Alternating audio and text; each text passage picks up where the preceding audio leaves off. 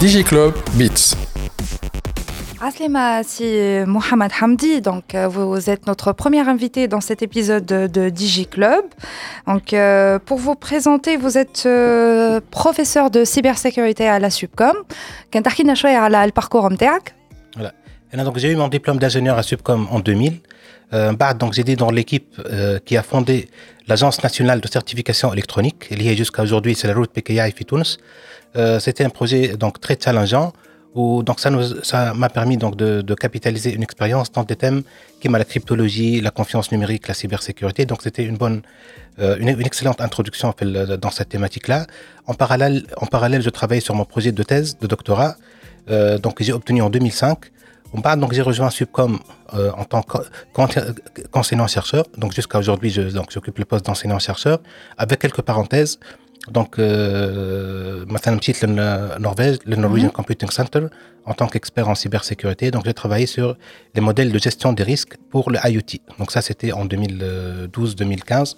Euh, l'IoT, donc, l'essor Ou aussi, donc, j'ai euh, piloté le développement euh, de stratégies nationales de cybersécurité pour plusieurs pays dans des projets Banque mondiale, ITU, euh, BAD, euh, Kif donc ça a permis euh, l'AYANA aussi donc à l'équipe qui m'a assisté euh, dans, dans cette élaboration là de capitaliser une expérience qui est très importante où dernièrement, donc depuis 5 ans, j'ai fondé le centre de recherche et innovation de Smart Tunisian Technopark, suite Technopole Razela, où l'objectif est de travailler sur des startups de la deep tech.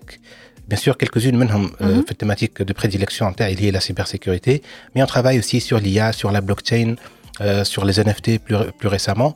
Euh, donc c'est plus ou moins le parcours taille. Euh, voilà. Très bien. Est-ce que vous avez été sollicité pour le projet de la stratégie nationale sur la cybersécurité ou pas du tout? Non. Est-ce que vous avez eu l'occasion éventuellement de, de, de, regarder un peu ce qu'ils ont fait J'ai discuté en offline avec les key stakeholders. Mais officiellement, je n'étais pas, donc je n'étais pas, je, n'ai pas fait partie de l'équipe euh, donc qui a travaillé là-dessus. D'accord. Est-ce qu'on peut être optimiste, Marnia, sur euh, ce qu'ils ont fait? Oui, certainement. Donc, mais euh, c'est alors, on va parler donc après de, de classement de la Tunisie, tout, tout ça. Mais euh, donc, c'est un bon départ, mais beaucoup reste à faire. Donc, c'est ça ce qu'on peut dire. Très bien. Alors, avant de, de, rentrer dans le vif du sujet, moi, je voudrais qu'on revienne justement sur une petite définition de la cybersécurité. احنا في دي جي كلوب قبل عملنا un épisode donc عرفنا فيه بالcybersécurité avec Sikali Mahras. Euh, mais euh, je voudrais qu'on s'étale en fait davantage sur la différence entre la cybersécurité et la sécurité des systèmes d'information. Hmm. En fait, donc il y a beaucoup de confusion entre ces deux, termes. Euh, donc la sécurité des systèmes d'information, elle se focalise sur la préservation de trois propriétés essentielles, à savoir la confidentialité, l'intégrité et la disponibilité. Donc ça, c'est défini dans un standard américain. Donc c'est les TARP des années 90, mais qui est adopté jusqu'à aujourd'hui. FISMA. Donc ce standard-là, il définit ces trois propriétés-là. Donc l'enjeu de la euh, sécurité des systèmes d'information, c'est au sein d'un périmètre qui est défini. D'ailleurs, donc les équipes qui font la gestion des risques, مثلا, au sens de, la sécurité des systèmes d'information, مثلا, au sens de la norme ISO 27001-25 ou bien du NIST Risk Management Framework, ils commencent toujours elle, elle, commence ces équipes-là par la définition du périmètre de la mission. Mhm. Ensuite, donc, il y a tout un travail à faire pour inventorier les ressources, étudier les vulnérabilités et les menaces, étudier les risques, pour que, à la fin, on choisit les contre-mesures qui permettent la préservation de ces trois propriétés. Donc, on mhm. gère toujours la valorisation des ressources, des actifs numériques, bien sûr, digitaux de l'entreprise, par rapport à ces trois dimensions-là, confidentialité, intégrité et disponibilité. Euh, par contre, pour la cybersécurité, l'objectif est de se prémunir contre les cyberattaques d'une manière générale. Donc, on parle de cybercrime, de cyberfraude, de cyberlaw. Donc, c'est ça les termes, donc les termes critiques. Donc, il y a euh, deux, deux, au fait, euh, un, un, amalgame par rapport à, au, au terme lui-même. Donc, le terme de sécurité de l'information, il englobe la cybersécurité. D'accord. Au sens euh, du terme. Mais par rapport au scope, par rapport au périmètre, le périmètre opérationnel de la cybersécurité, il est beaucoup plus large. Parce que c'est un périmètre qui ne cesse de proliférer, donc d'avoir une expansion vraiment très importante. Justement, à cause de la, de la croissance des euh, moyens physiques de connectivité, euh, des données aussi donc, qui sont en train de proliférer.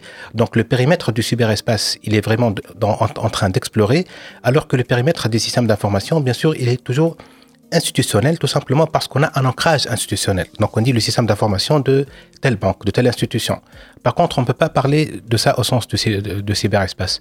Et donc d'ailleurs, dans les conventions, par exemple, euh, de Malabo, les conventions mhm. de Budapest, qui sont des modèles pour la gestion de la, de la cybersécurité au sein d'un cyberespace, euh, donc on ne parle pas de confidentialité, intégrité, disponibilité. On parle plutôt par exemple de fraude de l'information, de vol d'information, ou bien d'utilisation illicite d'identité. Donc les informations, les, ça veut dire les euh, menaces, elles ont plutôt une connotation juridique. Et on parle de chef d'inculpation, choix. D'accord, très bien. Donc c'est ça un petit peu la différence entre ces deux euh, notions. Très bien. Alors moi je voudrais revenir sur, euh, sur une nouveauté, le Subcom. Il n'y a pas longtemps, l'école a lancé euh, un, master en fait de cybersécurité opérationnelle. Est-ce que vous pouvez nous en dire davantage? La première promotion euh, déjà, c'est ça? Oui. Euh, donc ce, master-là, en fait, l'objectif euh, primordial est de développer le renforcement des capacités dans ce pilier-là de la cybersécurité. Parce qu'il y a mhm. trois piliers, au fait, dans la cybersécurité. Il y a le pilier stratégique, il y a le pilier tactique et le pilier opérationnel. Donc il faut avoir vraiment ces trois domaines de compétences pour qu'on puisse euh, se prémunir, comme on a dit, au plus contre les cyberattaques. Et quelle est la différence entre les trois, Saint-Marni euh, donc, le volet stratégique, c'est plutôt la rédaction des stratégies, des politiques et des plans d'action. D'accord. Donc, ça, c'est le volet où on voit vraiment la dimension euh, multi-stakeholder, multi-parties prenantes de la cybersécurité. Et c'est donc c'est une approche qui a euh, vu donc le jour il y a quelques années, donc il y a 5-6 ans, et qui est en train d'être donc d'avoir une dimension internationale. Mhm. Parce que la cybersécurité, c'est l'affaire de tout, toutes les parties prenantes. Absolument. Euh, donc les développeurs, par exemple, donc les, ça veut dire les boîtes de développement, aussi donc les constructeurs, vendors. Donc il y a aussi les organismes d'accréditation, les, les organismes de standardisation tous doivent travailler dans un même objectif. Et euh, c'est pour ça qu'on parle de multi-stakeholder approach. Mhm. Donc la standardisation, euh, aussi bien que l'infrastructure, doivent être sécurisées en utilisant un même référentiel. Et c'est ça l'enjeu, euh, donc l'enjeu majeur. Et là, on traite de stratégie où toutes ces parties prenantes sont impliquées. D'accord. donc le volet tactique, c'est le volet, par exemple, on va parler de choix. Par exemple, le volet d'un référentiel général de cybersécurité, mhm. d'un référentiel général d'interopérabilité. Là, c'est des volets tactiques parce qu'il y a des choix à faire qui viennent une, fois que les choix stratégiques et les choix en matière de politique sont faits. Et en dernier lieu, on a besoin du volet opérationnel. Et là, généralement, donc c'est fait institution par institution, secteur par secteur. Donc on voit la dimension sectorielle de la, de la cybersécurité et on voit la symbiose entre les, entre les, entre les parties prenantes, donc entre les multi-stakeholders, qui ont euh, permis à la stratégie, par exemple, nationale de cybersécurité de prendre, euh, de prendre forme. Donc la dimension opérationnelle, elle, est très importante et c'est de par la nature de Subcom, comme étant une école euh, qui forme donc un potentiel technique très, très pointu, donc c'est l'organisme, c'est l'institution universitaire la plus appropriée pour héberger ce type de formation. Euh, bien sûr, donc cette formation aussi, elle est co-construite mhm. avec l'Agence nationale de sécurité informatique, avec euh, donc le sponsoring de Huawei, où donc on va parler euh, de cette approche-là. Donc c'est un exemple en soi-même d'une approche multi-stakeholder pour renforcer les capacités et aussi donc le, même la population qui, qui, qui, a suivi la première promotion et qui est en train aussi donc pour la deuxième promotion, la promotion ou bien la population elle est hétérogène donc vous allez trouver des employés déjà donc de, structures publiques, des employés de structures privées et aussi des jeunes diplômés qui sont dans une même classe et qui sont en train de suivre le même cursus.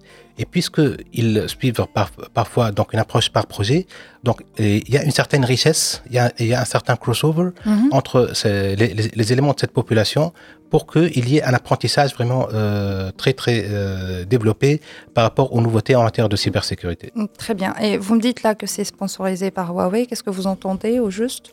Parce qu'il y a un laboratoire de cybersécurité, donc il a été mis à disposition de Subcom par Huawei, pas uniquement pour ce master, mais donc ce master est un use case pour montrer le potentiel qui peut euh, émerger d'un tel laboratoire. Très bien. Merci beaucoup aussi Mohamed. Ahna, on revient après la pause pour euh, parler donc des risques cybernétiques Fitouns. DigiClub Podcast. Topnet, very internet people. Huawei, au service de la Tunisie depuis 1999. رجعنا معكم في دي جي كلوب ومعنا سي محمد حمدي بروفيسور de cybersécurité في Subcom. مرحبا encore une fois سي محمد. Donc avant euh, la petite pause اللي خديناها, on vous a on a présent, on a parlé un peu de votre parcours, on a euh, expliqué un peu ce que c'est que la différence entre la cybersécurité et la sécurité des euh, systèmes d'information et on a aussi euh, présenté un peu le master euh, cybersécurité opérationnelle et les Subcom l'a lancé euh, euh, il n'y a pas très longtemps. Donc euh, là maintenant, en fait, je voudrais qu'on évoque un peu les risques cybernétiques ou, la situation Fitouns par rapport à ça. Mais avant euh, de s'étaler sur la question, je voudrais comprendre ce que c'est que la différence entre euh, un backdoor et un backdoor, ça fait un peu bizarre, mais un backdoor, on va dire, et une faille. Est-ce qu'il y a une différence entre ces, ces deux notions? Euh, au fait, donc on parle de backdoor ou bien de trapdoor. Mhm. C'est une catégorie des malwares, des logiciels malveillants. Généralement, euh, sur le plan didactique, il y a trois, ca- trois sous-catégories Oui, qui sont les virus, euh, les chevaux de Troie, donc Oui. les backdoors, et les, les vers, les worms. Mhm. Euh, donc, ces trois catégories-là, elles ne diffèrent pas en termes de payload, ça veut dire en termes de résultats, elles diffèrent plutôt en, en termes de mode de propagation. Donc, le virus, il se propage dans des programmes. Mhm. Donc, généralement, c'est associé à un programme et c'est le vecteur de propagation. Pour les vers, le, le, euh, vecteur de propagation, c'est des protocoles sur un réseau. Est-ce qu'on a des de- exemples à citer de, de vers euh, connus, AK ou... Oui, bien sûr. Donc, la plupart des ransomware aujourd'hui, ils se propagent à travers des vers. D'accord. Euh, il y a aussi donc cette catégorie spécifique qui s'appelle backdoor ou bien trapdoor. Ça, c'est des programmes qui sont développés et qui comportent euh, un- une, une sous-composante qui a un comportement inattendu. Donc, généralement, c'est pour ouvrir des brèches euh, qui ne sont pas visibles pour celui qui exploite le programme. Mhm. Donc, généralement, ça, on le met euh, sur. euh, donc, ça dépend sur un serveur ou bien sur un client. Donc, on peut, on peut le faire sur les deux. Dans l'objectif, donc, d'ouvrir des brèches et ensuite d'escalader cette brèche-là. Parce que généralement, donc, on n'a pas de hauts privilèges à travers un, un backdoor. Donc, on a les mêmes privilèges euh, d'exécution du programme. Et généralement, donc, on trouve très rarement des programmes qui s'exécutent avec de hauts privilèges. Et ensuite, donc, c'est juste donc, la première porte d'entrée. Pour les failles, les failles plutôt, elles découlent de, euh, du cycle de programmation ou bien du cycle de développement de l'outil ou bien de l'application ou bien de la solution ou bien même de composantes matérielles aujourd'hui parce que ça aussi donc il y a plus de plus en plus de composantes matérielles qui deviennent connectées dans les véhicules dans les SCADA euh, dans les centrales énergétiques et là aussi c'est du développement donc les équipes de développement euh, aux différents stades de développement bien sûr vu euh, les contraintes de délai et les contraintes de taille de ces programmes-là qu'elles sont en train de développer, euh, elles ont de plus en plus de probabilité de commettre des erreurs. Donc, Khali ou Biben Mahloula, c'est ça? Non, c'est pas volontairement.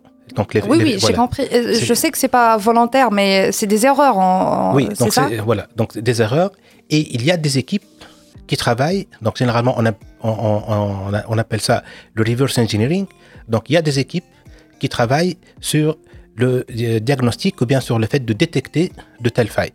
Et là, donc, on les appelle des data breaches. Mhm. Euh, donc, le, le backdoor, c'est quelque chose qui est développé pour justement euh, pour, pour faire des, euh, donc des attaques, pour laisser une porte dérobée, pour pouvoir l'utiliser par la suite. Euh, donc, tant que le backdoor n'est pas euh, donc il n'est pas trouvé, ou bien tant qu'il n'est pas découvert, donc ça reste une faille. Euh, donc ça reste plutôt donc cette porte dérobée. La faille, par contre, elle a lieu dans ou bien durant le cycle de développement d'un produit de, ma- de manière générale. C'est pour ça qu'il y a deux communautés. Donc il y a une communauté qui travaille sur le reverse engineering, même euh, donc il y a des approches de bug bounty ou bien de zerodium. Oui, On, est même payé lorsqu'on trouve ce type de failles là. D'accord. Et il y a des catégories au, ni- au niveau de ces failles. Euh, donc le, le but de ces plateformes, donc la plus répandue maintenant, il y a beaucoup euh, de Tunisiens qui travaillent en communauté pour, le- pour la détection des failles parce que ils sont payés lorsqu'ils trouvent euh, des failles. Donc Zerodium par, par exemple, ils trouvent c'est comme un barème. Et Comment ça s'appelle, ça marche Zerodium par rapport à. Zero Day. Euh, donc, le, le Zerodium, ils ont un barème pour ces failles-là. Et euh, donc, lorsqu'on trouve une certaine catégorie de failles, Hum. on peut même être payé 2 millions de dollars. Donc, cette catégorie, elle, elle- elle doit avoir deux propriétés, au fait. Elle doit être zero day. Donc, zero day, ça veut dire qu'on n'a pas encore de patch pour cette faille-là Mhm. à l'instant T. Et euh, au fait, donc, ce temps-là, en moyenne, il est en train de vraiment donc, de, de croître à une vitesse inouïe d'année en année.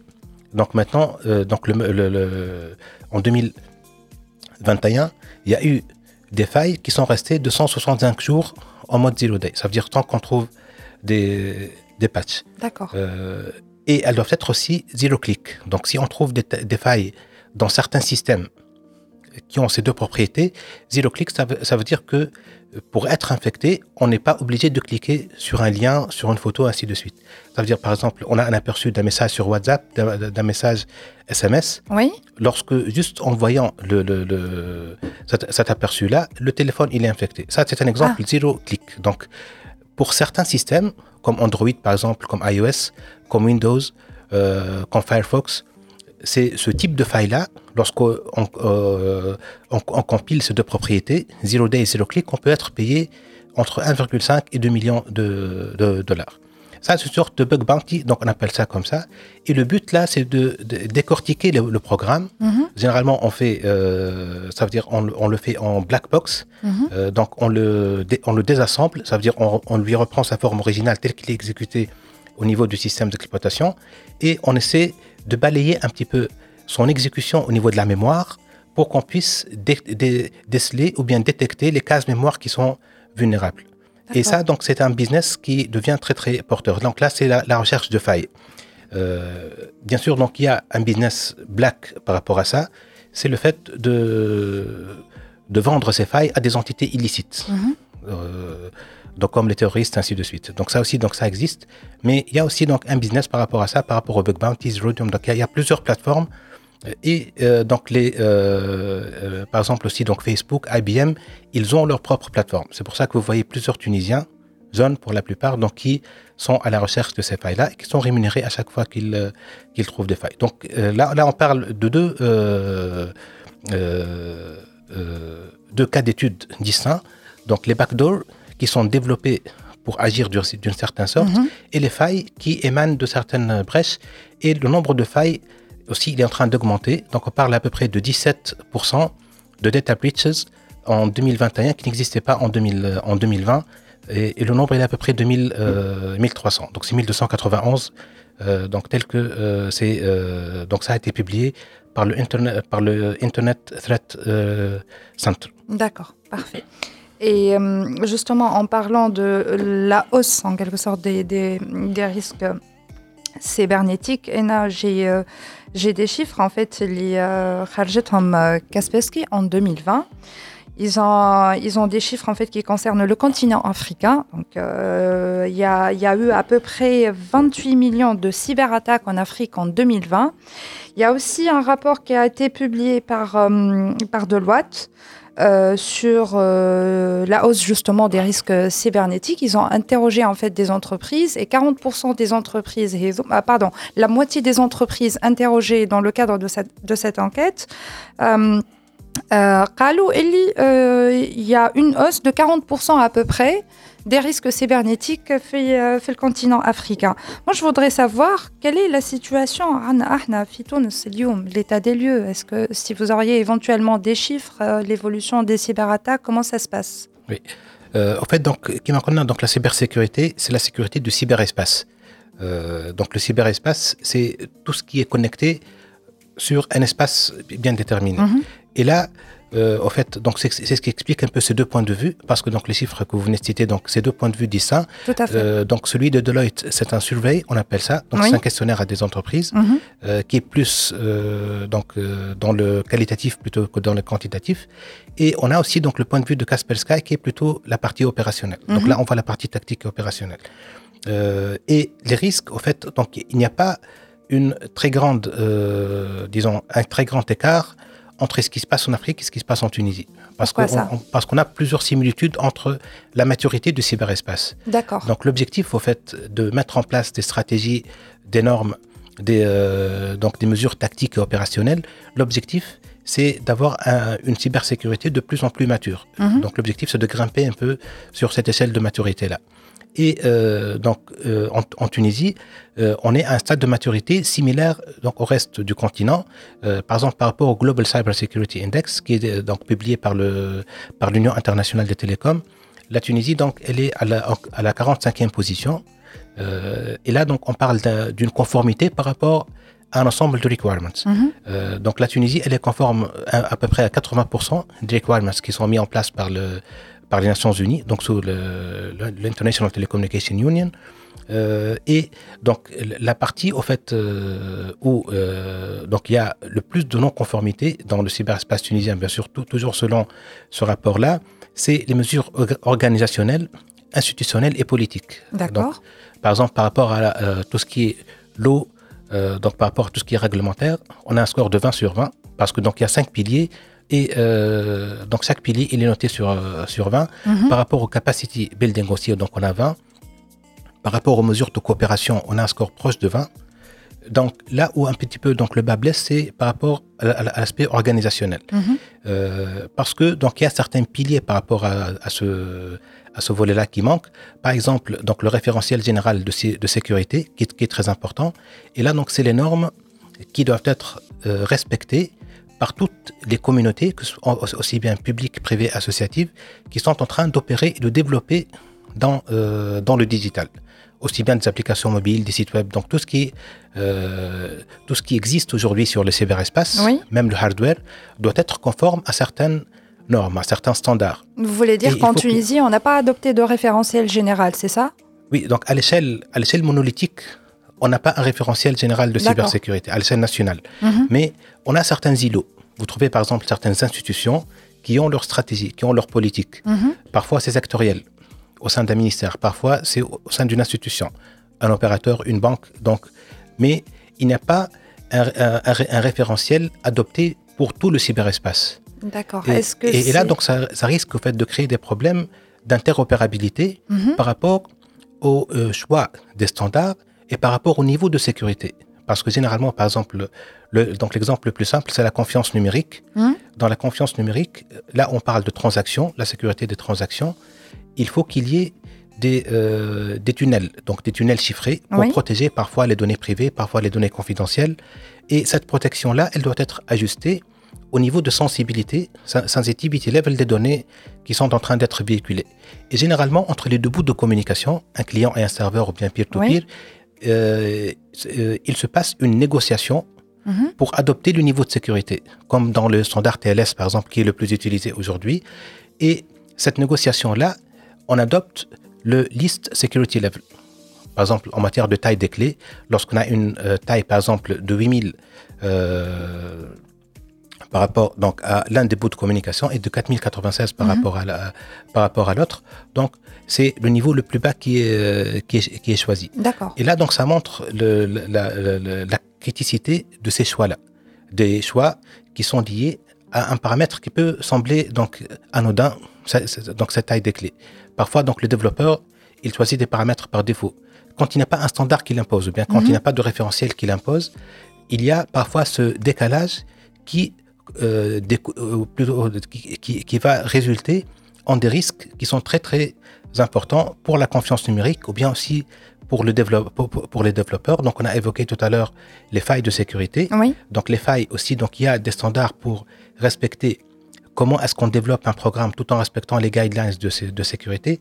Donc il y a toute une pléthore de, de- donc, de normes, de standards qui doivent être non pas développés, mais plutôt homogénéisés sur tout le cyberespace pour, que, pour garantir que la maturité se développe petit à petit.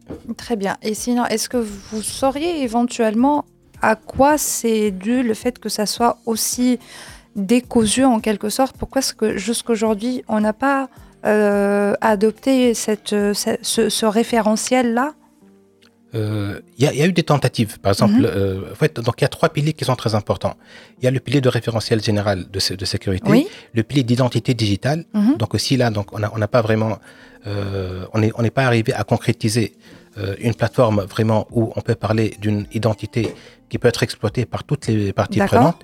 Il y a aussi la loi sur la cybercriminalité. Mhm. Donc ce- ces ces trois projets-là, il y a eu des tentatives depuis vraiment quelques années, mais on n'a pas, euh, pour des raisons multiples. Hein, euh, on n'a pas beaucoup avancé sur, euh, sur ces questions. Donc à chaque fois qu'on avance, il y a des événements qui, viennent et qui chamboulent un peu donc l'avancement de ces projets-là. Très bien. Alors merci beaucoup, si Mohamed. On va faire une petite pause et donc je vais narquer hum, les, les, les, les risques justement cyber, cybernétiques et les radines, ils ou euh, qui fait il y, euh, il y a justement des, des, hum, des entités, on va dire, ou des, hum, des éléments جدد euh, دخلوا على الساحة qui ont euh, selon certains, euh, fait en sorte ou contribue en fait à la hausse justement des, euh, des risques cybernétiques et bon. ديجي كلوب بودكاست برعاية Topnet, very internet people. Huawei, au service de la Tunisie depuis 1999. رجعنا معاكم في دي جي كلوب معنا سي محمد حمدي qui est professeur de cybersécurité في Subcom. Assez encore une fois, si Mohamed. Donc, avant la pause, en fait, on a évoqué plusieurs sujets, notamment euh, la différence entre cybersécurité et la sécurité des systèmes d'information, ce que c'est que la différence aussi entre le backdoor ou le faille. Euh, on a parlé aussi de la hausse des, des risques cybernétiques et euh, euh, on est revenu justement sur la situation en Fitouns euh, à ce niveau-là. Et euh, moi, je voudrais en fait revenir sur un petit rapport que le, Forum économique mondial Kharjou sur, euh, sur la, cyber- la cybersécurité. Donc, le rapport aidé, ils ont évoqué euh, l'augmentation justement des, des risques cybernétiques avec l'émergence donc des, de, de nouvelles technologies, qui l'intelligence artificielle. Ils ont d'ailleurs parlé d'une nouvelle tendance euh, في la cybercriminalité qui s'appelle qui s'appelle donc le ransomware as a service. Qu'est-ce que c'est que cette nouvelle tendance هو الموضوع اوسع شويه من هذا جينيرالمون اون بارل داتاك از ا سيرفيس Mhm. قبل لي زوتي داتاك كانوا بلو كومبليكي ا مانيبيولي بالنسبه للعباد اللي يخدموا لي زاتاك مهم. ولا اللي هو- اللي يحبوا يعملوا لي زاتاك اليوم ثم سيت توندونس هذه اللي هي elle consiste à trouver une partie du scénario d'attaque, Hadra, et qui est élaborée par deux communautés. Donc c'est plus, ou moins la, nouveauté, c'est que les euh, hackers sont structurés en communauté, où ça m'a deux, plus, ou, moins deux, populations, ceux qui développent les outils, ou bien home as a service, mm -hmm. et ceux qui euh, les perpetrators, donc ceux euh, qui sont à l'origine de l'attaque. وهذه bien, bien, bien sûr donc l'une des, des répercussions بتاعها c'est que elle rend com- plus compliqué tout ce qui est forensics خاطر في الفورنسكس في العاده يتبعوا الانتنشن النيه بتاع ال- العمليه هذيك هي اللي تنجم تقود ليكيب بتاع بتاع التحري الجنائي جوسكا لا سورس تو ولات سيجمنتي اون دو باسكو celui qui a développé et celui qui a vendu le service n'est pas celui qui a été le perpetrator. D'accord. Donc ça rend plus compliqué. Donc, avec l'intelligence artificielle, ça rend la distance, elle est encore plus importante. Comment ça? La, la, la distance, le perpetrator, ou la source de l'outil, l'istamble. Euh, je ne sais pas si on peut dire grâce ou à cause de l'intelligence artificielle, euh, on n'est pas en mesure de, de faire le rapprochement. Mais Bin, Saïd, اللي خدم on va dire ل- l'outil d'attaque هذاك سيد اللي باعه وسيد اللي il a perpétré l'attaque c'est ça صحيح هذا هو وهذا هو فيه آه، معناها بوكو دو كوز اول اول اول كوز اللي هي سكو لا نوفيل توندونس دو لانتيليجنس ارتيفيسيال اللي هي بيتها دونك لانتيليجنس ارتيفيسيال ماهيش جديده من عندها مده موجوده لكن تو ثم دي توندونس جدد اللي ولاو بلو كونسونتري على تو سكي ليرنينغ ماشين ليرنينغ ديب ليرنينغ هذوما سي لي تيب دو كود ولا دو بروغرام اللي عندهم الإمكانية باش يتعلم وحده. D'accord. il- euh, donc c'est pas une liste d'instructions له، il va les exécuter. C'est plutôt il a la capacité d'être contexte aware معناها كل ما تحطه في كونتكست يتعلم في الكونتكست هذاك ويبدل الكومبورتمون بتاعه حسب الكونتكست اللي هو محطوط فيه. هذه آه إذا كان نحطوها في دي كونتكست ديفيرون خاطر تو لي كونتكست ثم دي فواتور الكتريك ثم دي سيستيم سكادا ثم دي سيستيم بلوتو بتاع industri- بتاع اندستري 4.0 دونك هذوما كل كل كل كل كونتكست est un cas à part donc les intelligences artificielles هذوما donc les algorithmes ils ont la capacité d'être en mesure de perpétrer des attaques sans l'intervention directe d'accord خاطر قبل donc il avait le facteur déclencheur oui مثلا donc في les attaques euh, de déni de service اللي تو مثلا ما عادش برشا نشوفوهم قبل donc il, il, y a- il y avait cette euh, obligation d'infecter certaines machines où les machines Hadouma, elles deviennent le vecteur pour attaquer la cible. Mhm. Ça, c'est pour cacher un peu l'identité de l'attaquant et pour toujours augmenter cette distance. Parce que ça, donc, l'objectif, c'est que l'attaquant soit le plus distant de la scène de crime oui. pour qu'il ne soit pas euh, donc, euh, visible et pour euh, garantir la pérennité de l'attaque. Donc, à une tendance qu'on appelle Advanced Persistent Threat, les attaques persistantes Hadouma, et une fois que l'attaquant il est sur la scène de crime, les المده اللي يبقاها في السن de crime au maximum D'accord. euh, هذه كيف كيف elle devient exacerbée par l'intelligence artificielle الواش خاطر il n'est plus obligé de déclencher lui-même par un mécanisme ou un autre même par un programme de déclencher euh, donc l'exécution de tout ce scénario d'attaque qu'il a orchestré Loom donc c'est un algorithme qui devient capable d'orchestrer tout ça Euh, donc Ça fait le- peur. oui, bien sûr, bien sûr. Donc, Hedi, euh, euh, c'est encore donc le, deuxième vecteur de prolifération de ce type euh, d'attaque, donc attaque as a service, ou le, manque de maturité des plateformes et les bad les plateformes digitales ou on a bad les systèmes d'exploitation, mm les plateformes cloud, ainsi de suite, on a de nouveaux systèmes qui sont connectés. Donc, on a les smartphones, on a les voitures électriques, on a tout ce qui est embedded systems, IoT, smart cities, ils sont en train d'être connectés sans qu'il y ait de, euh, même de standards appropriés en matière de cybersécurité mm et qui vont permettre de tester les équipements Hadouma, de tester les, logiciels, les protocoles avant qu'ils ne soient déployés. Et ça les rend plus vulnérables face à ces intelligences artificielles. Avec des réseaux de caméras مثلا qui deviennent connectés, Oui. les réseaux de caméras Hadouma, le système d'exploitation بتاعهم, il est moins mature en matière de sécurité qu'un système d'exploitation. Il est donc un ou des années qui, qui il est, il est, euh, en cours d'utilisation et qui a maturé au fur et à mesure de, son- de, ce- de son utilisation. Kif kif, Annette, donc l'intelligence artificielle, elle a un rôle à jouer, bien sûr, au bénéfice des cyberattaquants. Bah, je l'espère. non, pas les, cyberattaquants, dans l'autre sens, enfin, en termes de euh, cybersécurité plutôt. Justement, donc il y a des possibilités. Akbar, le fait d'être le plus distant possible de, la, scène des crimes. Donc le ransomware as c'est une sous-catégorie. Le ransomware, le ransomware c'est l'un des outils d'attaque qui beaucoup de développement. خاطر هو c'est parmi les catégories de malware. Et le payload نتاعو il est spécifique. Le payload نتاعو c'est qu'il chiffre une partie des données, وهنا نرجعوا la sécurité des systèmes d'information. Donc, il faut la limite entre cybersécurité et sécurité des systèmes, des systèmes d'information. Le ransomware, il chiffre une partie de ces données-là et il- on va demander ensuite une rançon. Donc, l'autre fait diabard, باش ينجم هو يسترجع les données هذوك. Euh, le, le scénario généralement d'attaque comme les ransomware يتطلب أول حاجة سوشيال انجينيرينغ قبل. خاطر دونك مش أي واحد ينجم يكون سيبل بتاع رانسوموير لازم اللي باش يعمل اتاك بتاع رانسوموير يكون تحقق قبل كو شخص ولا جهة اللي هو عمل عليها الرانسوموير قادرة باش تدفع الفديه هذيك. دونك ثم قبلها سوشيال انجينيرينغ وهذاك علاش نحكيو هنا على سيناريو كامل بتاع بتاع بتاع السيبر اتاك باش ينجم في الآخر يوصل للوبجيكتيف بتاعه.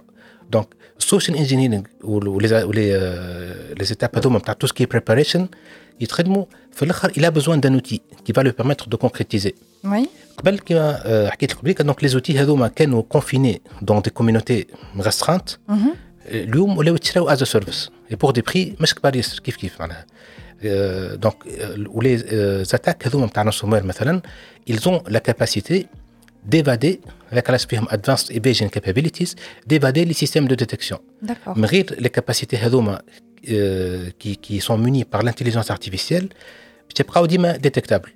Donc le fait, euh, d'avoir un comportement polymorphique, dynamique dans le temps, ça c'est rendu possible euh, par l'intelligence artificielle. Donc avec l'utilisation de l'intelligence artificielle pour garantir soit le contexte awareness de l'attaque, pour pouvoir échapper au maximum mais les systèmes de détection اللي موجودين واللي هم بينهم كيف كيف bien sûr يطوروا ou pour pouvoir aussi euh, نكبروا في الديستانس بين le cybercriminel et la scène euh, de crime donc c'est toute une tendance où لازمها euh, pour contrecarrer cette tendance là لازمها l'implication de toutes les parties prenantes خاطر le, معناها le principal vecteur نتاع التطور نتاع les attaques هذوما هما l'expansion illimitée du cyberespace Très bien, j'espère qu'on est en train de faire euh, des choses pour euh, inverser la donne. Parce bien sûr, bien sûr. parce que la intelligence artificielle pour cyberattaque, euh, ça, fait, ça fait un peu peur. Alors, il faut dire que de toute façon, c'est pas. L'intelligence artificielle n'est pas la seule technologie qui est plus ou moins en ligne de mire à, cause de ce qui se passe, à cause de la, euh, du fait que les cyberattaquants deviennent de plus en plus sophistiqués à ce niveau. Il y a aussi la 5G. Donc on a vu qu'il y, a certaines personnes qui, qui, laissent entendre en fait que cette technologie, elle va aussi contribuer à euh, faire augmenter en fait les risques cybernétiques. Je voudrais savoir quels sont justement les, défis, les défis liés aujourd'hui au déploiement de la 5G à ce niveau. Hum. Généralement, les risques euh, ont deux dimensions. La dimension euh, de fréquence, combien de fois le risque il a lieu ou la dimension d'impact إذا كان يصير l'événement هذاك donc le, le risque ou bien la menace إذا كان يصير شنو هو البيرت اللي هي باش تنجم على ال- على l'occurrence هذيك Euh, donc les risques هذوما le- le- donc des technologies qui la 5G qui la connectivité par satellite donc tout ce qui augmente la connectivité tout ce qui étale ou tout ce qui étend euh, la dimension de ta cyberespace Oui, il va contribuer normalement à la prolifération ou euh, le, le fait que ذوما زوز il augmente donc en termes de nombre donc عدد les menaces باش باش يكبر بالطبيعه Oui.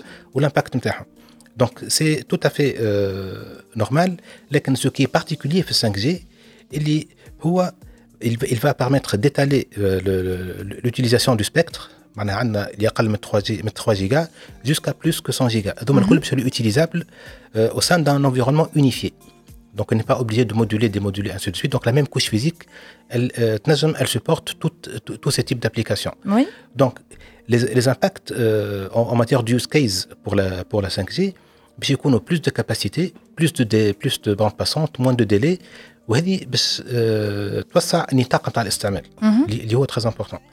و, و les, les, donc les nouvelles parties prenantes اللي باش يدخلوا في نطاق جديد ما همش كلهم outillés ولا ما همش كلهم عندهم un degré de maturité en matière de cybersécurité pour garantir donc la bonne utilisation ou bien la bonne, euh, euh, intervention dans euh, le, nouveau cyberespace. D'accord. Donc le cyberespace, il est en train de, s'étaler donc avec un rythme effréné. La, maturité des acteurs, elle n'est pas en adéquation avec cette expansion-là. C'est pour ça que justement, quand on va parler de la 5G en particulier, c'est un écosystème en soi-même. C'est un écosystème parce que donc la 5G, on va trouver les vendeurs, on va trouver les, opéra- les opérateurs, on va trouver les fournisseurs de services Internet. Donc tout ça, c'est impliqué dans la 5G. Les utilisateurs, les développeurs, les hackers même, c'est une partie de la communauté. Donc on va parler de tout un écosystème. Lorsqu'on parle des euh, infrastructures plus ou moins classiques, tout ce qui est data center, cloud, donc les plateformes d'hébergement, euh, on a des outils, on a des standards, on a des normes pour permettre euh, à un écosystème d'être établi conformément à des besoins clairs en matière de cybersécurité. Pour la 5G, ces besoins-là ne sont pas encore clairement définis par rapport à toutes les parties prenantes. D'accord. Surtout que on va les implémenter, ça veut dire les use cases typiques. Euh, donc c'est des smart cities, c'est des smart centers, c'est des smart cars. Euh, et là, justement, donc qui dit smart dit intelligence artificielle. Et c'est pour ça que donc l'intelligence artificielle, encore une fois, en tant que telle, peut être une, une vulnérabilité quand elle n'est pas bien, bien déployée. Euh, donc, quand elle n'est pas bien, c'est bien sécurisée, si on, mhm. si on ose dire.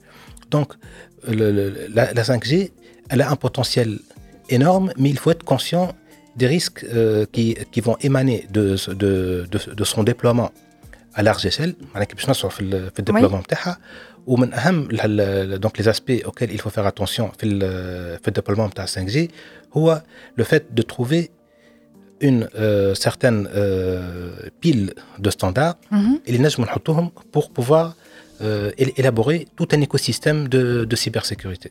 Très bien. Alors, Ahna, on va revenir justement même pas à les normes, mais je voudrais euh, savoir justement, je peux te dire, il faut que tous les acteurs, معناها اليوم يكونوا outillés. Est-ce que les opérateurs نتاعنا sont outillés في تونس؟ Euh, هو ديما نرجعوا للنيفو de maturité. Euh, par rapport à la cybersécurité, ثم un paramètre très important اللي هو la résilience يسميه resiliency. آه، اللي اللي هذا شنو هو؟ سي امكانيه ل- في كام تاع سيبر اتاك الامكانيه دو سوبورتي لامباكت دو لاتاك هذه euh, ou هذه donc elle demande euh, certaines mesures qui ne sont pas uniquement l'affaire de l'opérateur télécom ou là mhm. du constructeur, c'est l'affaire de tout le monde, même l'utilisateur. Donc l'utilisateur avec Alès, donc il faut travailler beaucoup sur le fait que l'utilisateur soit conscient et soit capable de protéger aussi ses données personnelles. C'est un travail de sensibilisation. Un travail de sensibilisation. Sans ce travail-là, on euh, voilà, ne peut pas parler de, la sécurisation du cyberespace. Donc il y a un niveau de maturité sur lequel on doit travailler. Mhm. C'est pour ça que il ne faut pas se focaliser uniquement sur un type d'acteur plutôt que sur, euh, que sur, que sur l'autre. Et il n'y a pas uniquement que la maturité technique. Parce que euh, on a قبل ديما ركزوا على les outils techniques نشريهم على les applications Oui, وه- وهذوما هما ناس اللي كونتر ميزور العاديين باش الانسان يكون آه الجارونتي السيكوريتي نتاعو في السيبر اسباس d'accord. اليوم هذوما ما عادش كافيين D'accord. الواش خاطر لازم اوسي دي كومبيتونس وهذه من اهم الحاجات دونك il faut vraiment euh, donc développer des compétences pour améliorer la résilience خاطر la sécurité وحدها ما عادش تكفي Euh, donc la résilience les plans de continuité donc Mhm. هذوما الكل فيهم des lacunes certainement وثم des lacunes aussi في l'utilisation même des, euh, des données D'accord. Donc, هذا الكل يخلق des scénarios de risque. Parce que quand le risque, مثلا, يجي في un seul acteur, ديما la dimension نتاعو elle n'est pas aussi importante qu'un scénario qui va toucher une large population. Mhm. و... دونك هذوما من معناها اخطر لي ريسك هو وقت يبدا السكوب نتاعو متوسع. Avec علاش donc les, les opérateurs, les, les euh, constructeurs, euh, bien sûr donc le gouvernement aussi, كلهم ل- ل- لازمنا donc نخدموا des stratégies et des politiques nationales et sectorielles pour pouvoir mettre en place le, donc, de- ce qu'il faut, mais techniquement. Parce, Mhm. parce qu'avant, techniquement, il faut qu'il y ait des pratiques à développer, euh, plutôt à, à disséminer. مثلا security by design, security testing. تو ديما نشوفوا ناس يتسرعوا في ديبلومون دي ابليكاسيون مثلا ساعات كريتيك même pas pour les opérateurs télécoms, pour les applications bancaires مثلا. On est pressé par le délai, نتسرعوا نحطوها en déploiement avant que euh, on fait euh, donc avant de faire la, le, donc le test de sécurité وكيف كيف حتى في الفاز الاولى نتاع الديزاين généralement الف- le- donc le concept de cybersécurité il n'est pas euh, donc il n'a pas l'attention qu'il qu'il mérite euh, donc avec allez, donc ثم ثم مشكله في الريزيليونس donc هذا حد حد ما نجم ينكروا لكن معناها euh, voilà donc c'est un problème un, un petit peu de tout le monde معناها. Très bien, Si Mohamed, احنا après la pause, donc باش نرجعوا على les normes في السيبرسيكوريتي. ديجي كلوب بودكاست برعاية Top Net, very internet people. Huawei, au service de la Tunisie depuis 1999. رجعنا معاكم في دي جي كلوب ومعنا سي محمد حمدي بروفيسور دو سيبرسيكوريتي في سوبكوم donc il faut dire, Lyouma, euh, si Mohamed s'était allé, euh, Bachar à cybersécurité. Alors, euh, depuis tout à l'heure, en fait, vous n'avez pas arrêté d'évoquer Hajj, un aspect très important, il me semble, qui est les normes de cybersécurité. Est-ce que vous pouvez nous expliquer ce que c'est que ces normes? Chnoum, les normes les plus utilisées, peut-être Lyoum Falalam Oui. Voilà, au moins, donc, ça m'a trois catégories de, documentation de cybersécurité. Ça m'a les standards, les normes ou les guides de bonne pratique. Mhm. Donc, les standards هما هما يستعملوهم généralement à l'échelle internationale ou généralement donc ça, c'est, euh, ça fait l'objet d'un consensus avec ce qu'on a donc un standard. Par contre donc une norme هي تنجم تكون à l'échelle nationale typiquement. Mhm. والا donc à l'échelle de plusieurs cyberespaces. C'est sous-régional, régional. وثم الجيد دو بون براتيك اللي هم مثلا مستعملين كيما الجيد نتاع اليو تي في آه، في ليلابوراسيون دي استراتيجي ناسيونال دو سيبر سيكوريتي دونك ثم ان جيد تعمل بعده نتاع اوكسفورد باش يعملوا الاسسمنت بتاع ال- بتاع ان سيبر اسباس بنشوفوا لو نيفو دو ماتوريتي نحكيو عليه ثم كيف كيف دونك ثم ان ريفيرونسيال تعمل باغ باغ اوكسفورد دونك لازمنا نستعملوا هذوما الكل باش نجموا نحسنوا ديما نرجعوا للميم اوبجيكتيف نحسنوا ديما الماتوريتي بتاع بتاع ان سيبر اسباس بيان بيان ديفيني دونك الرول نتاع لي ستاندار لهنا باللي هو كما حكينا معناها من ال- من الاول اليوم اون بارل دو مالتي ستيك هولدر ثم دي زاكتور ناسيونو ثم دي زاكتور ميم انترناسيونو كي اوبير في لي سيبر اسباس في بلدان العالم كامل بالطبع دونك كيفاش نجموا نحطوا معناها اون اون ايغاليز ان بو دونك لي زاكتور هذوما الكل في نفس في نفس المستوى في نفس النيفو دو سيكوريتي هذا هو البيوت نتاع الستاندار. مثلا إذا كنا نحكيو في في السيبر سيكوريتي قبل ال 5 جي دونك كلاسيك كي نعملوا ايفالواسيون تاع سيبر إسباس نستعملوا ان ستاندار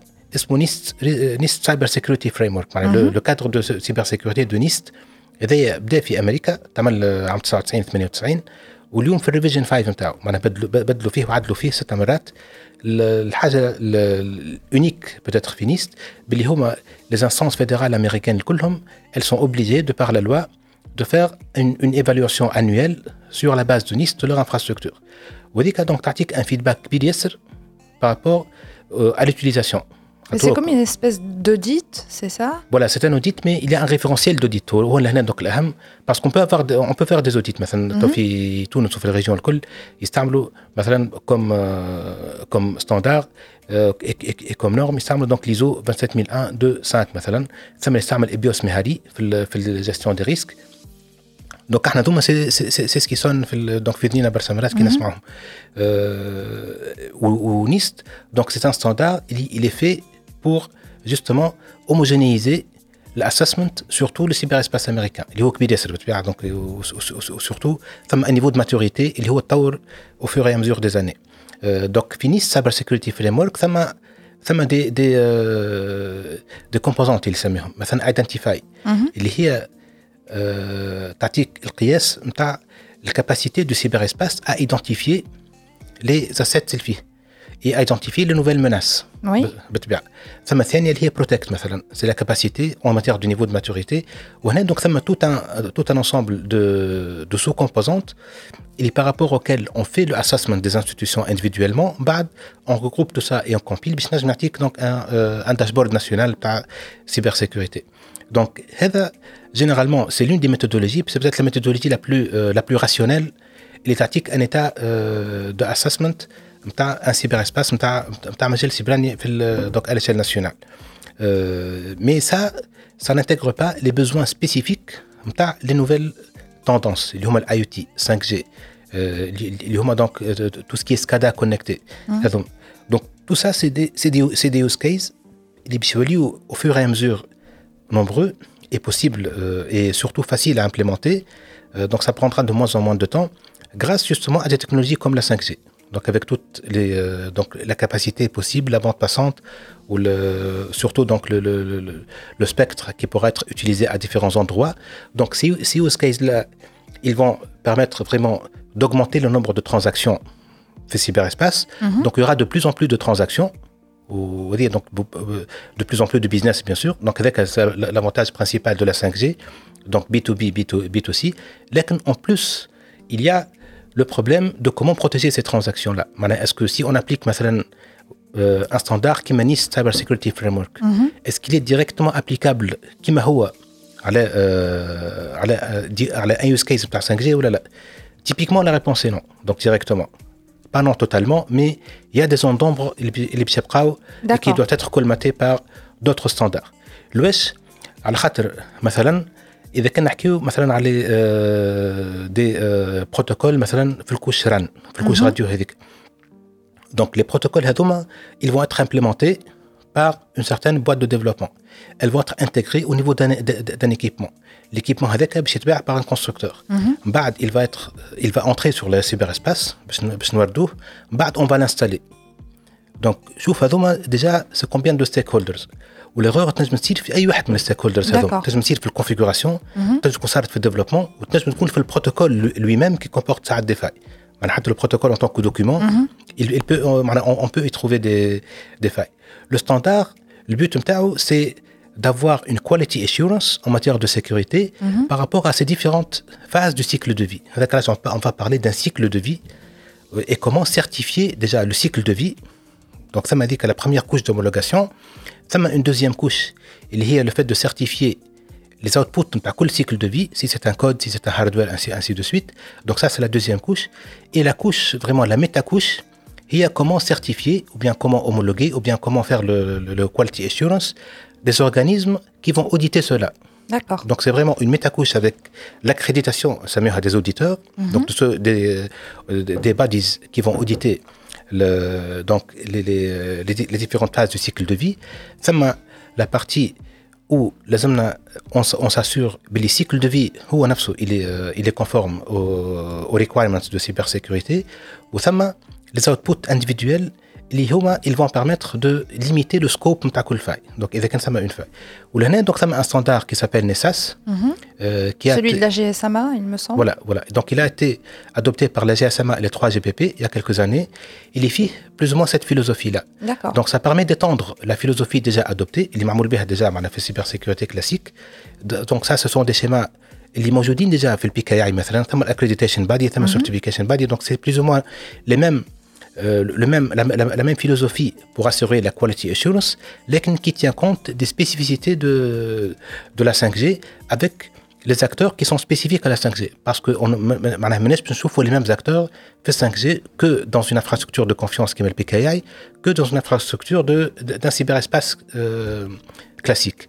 Donc, Finesas, on trouve des moyens, des, euh, plutôt donc des, des référentiels نعملوا l'accréditation نتاع ceux qui vont auditer مثلا le déploiement d'un réseau 5G d'un use case 5G كيف كيف ثم une sous-partie في norme qui va permettre de certifier le product development life cycle donc de, des produits euh, des, de, des, différents produits ils vont euh, assurer le déploiement de la 5G et aussi donc l'audit de chacun des outputs مثلا une partie liée à penetration testing mm -hmm. une fois que le code مثلا soit hard soit soft il est développé ثم un penetration testing qui doit être fait pour s'assurer de la non-existence de failles les failles اللي حكينا عليهم الاول في في البارتي هذاك في الاوتبوت هذاك دونك سي لو ستاندار كيما تشوفوا il comporte lui-même plusieurs facettes les facettes هذوما لازم يكونوا كلهم on est obligé de faire un déploiement exhaustif de toutes les composantes du standard mm -hmm. parce que donc généralement les attaques ديما يصيروا في le weakest point généralement on doit s'assurer d'avoir le même niveau de maturité donc ديما هذا هو donc l'objectif c'est l'objectif même du standard et c'est l'objectif des sous-composantes même du standard quand on implémente partiellement le standard ديما on n'a pas vraiment euh, limiter le risque résiduel. Donc l'objectif, c'est donc ce n'est pas de, de, réduire le risque à zéro, mais de laisser un tout petit risque résiduel, les petits mais la chance de l'attaque Très bien. Et sinon, est-ce que ces normes-là euh, sont prises en considération في تونس ou comment ça se passe au juste لا هو مازال هو الدبلومون تاع تاع النساس مثلا في العالم بيدو يصير بصفه تدريجيه بشوي بشوي وإحنا في تونس معناها عندنا اون لاكون في في النورم معناها. كيما حكينا من الأول سي بوانتي ميم معناها بار لو جلوبال سايبر سيكيورتي اندكس وهذا إذا كان معناها اون فا فير prochainement un projet de référentiel général de sécurité مما لا شك إليه كانوا لازم نطرقوا لل لل دي ستاندار كيما نساس باسكو معناها va permettre d'intégrer les use cases lorsque la 5G sera là ça va permettre de, de les intégrer dès maintenant. Je crois que nous, le 5G, on, on anticipe un peu par rapport à des sujets qui la 5G, qui l'intelligence artificielle. Il faut que euh, il faut les prendre en compte dès maintenant dans l'aspect stratégique, dans l'aspect tactique, par le choix euh, qui sont très importants pour que on assure l'amélioration graduelle par la maturité du cyberespace euh, tunisien. Très bien, mais euh, j'ai une, autre petite question aussi, euh, si Mohamed. Est-ce que l'adoption, si je peux me permettre, d'une norme en particulier a des répercussions à la à la je, je dis n'importe quoi hein. je suis un constructeur voilà une entreprise qui fournit des équipements voilà où j'ai adopté une norme X au JIT Fitounos, par exemple, je vais adopter la norme A. Est-ce que ça pourrait avoir des répercussions sur d'éventuelles transactions entre les deux?